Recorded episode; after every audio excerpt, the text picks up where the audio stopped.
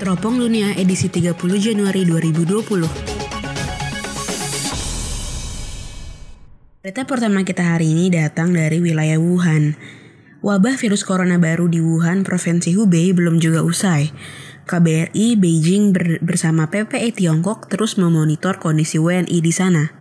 Menurut informasi, jalanan masih sepi dan jarang mobil lewat karena akses transportasi Wuhan dibatasi sesuai imbauan dalam pencegahan penyebaran virus corona baru.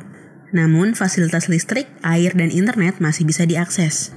Kendati demikian, persediaan logistik seperti makanan sehari-hari mulai menipis karena masih banyak toko yang tutup. Terkait hal itu, pihak KBRI sempat menyatakan telah membentuk posko untuk membantu para WNI yang masih terisolasi di Wuhan akibat virus corona. Selain itu, pihak KBRI Beijing akan segera mengirimkan obat-obatan dan alat kesehatan ke kota Wuhan dan sekitarnya. Menurut data KBRI Beijing, saat ini terdapat 243 WNI di tujuh lokasi termasuk kota Wuhan di Provinsi Hubei, China.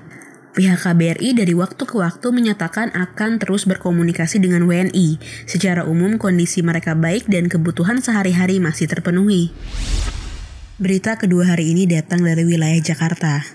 Hanya berselang empat hari usai penunjukan, Doni Saragi harus melepas kursi Direktur Utama atau Dirut PT Transjakarta. Pemerintah Provinsi DKI Jakarta membatalkan penunjukan Doni sebagai Dirut Transjakarta pada Senin 27 Januari 2020. Sebelumnya, pengangkatan Doni Saragih dianggap telah sesuai dengan prosedur. Namun, ada satu hal yang dilanggar, yaitu pernyataan tidak melakukan pelanggaran hukum yang dinilai tidak sesuai dengan fakta. Doni Saragih ternyata berstatus terpidana dalam kasus merasan dan pengancaman atau penipuan senilai 250 ribu USD dalam putusan kasasi pada 12 Februari 2019. Mahkamah Agung memvonis Doni dengan hukuman penjara 2 tahun. Berita terakhir kita hari ini datang dari Pertamina. PT Pertamina ingin mendapatkan keistimewaan harga dan pasokan minyak sawit untuk menerapkan penyaluran biodiesel murni. Direktur Utama Pertamina Nike Widiati mengatakan untuk memproduksi B100 dengan produk green diesel dan green gasoline, Pertamina membutuhkan dukungan dari pemerintah dengan menerapkan kewajiban pasokan dalam negeri minyak sawit. Menurut Nike, dengan adanya kebijakan DMO, Pertamina mendapat jaminan pasokan minyak sawit. Selain itu juga mendapatkan keistimewaan dari sisi harga dengan ditetapkannya harga patokan terendah dan tertinggi. Hal ini seperti kebijakan DMO pada batu bara untuk sektor kelistrikan yang sudah ditetapkan pemerintah.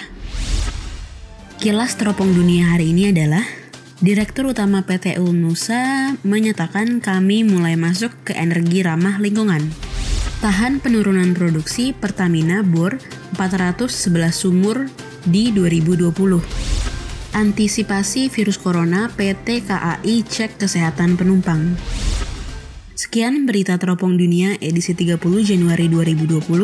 Terima kasih sudah mendengarkan, semoga hari kalian menyenangkan.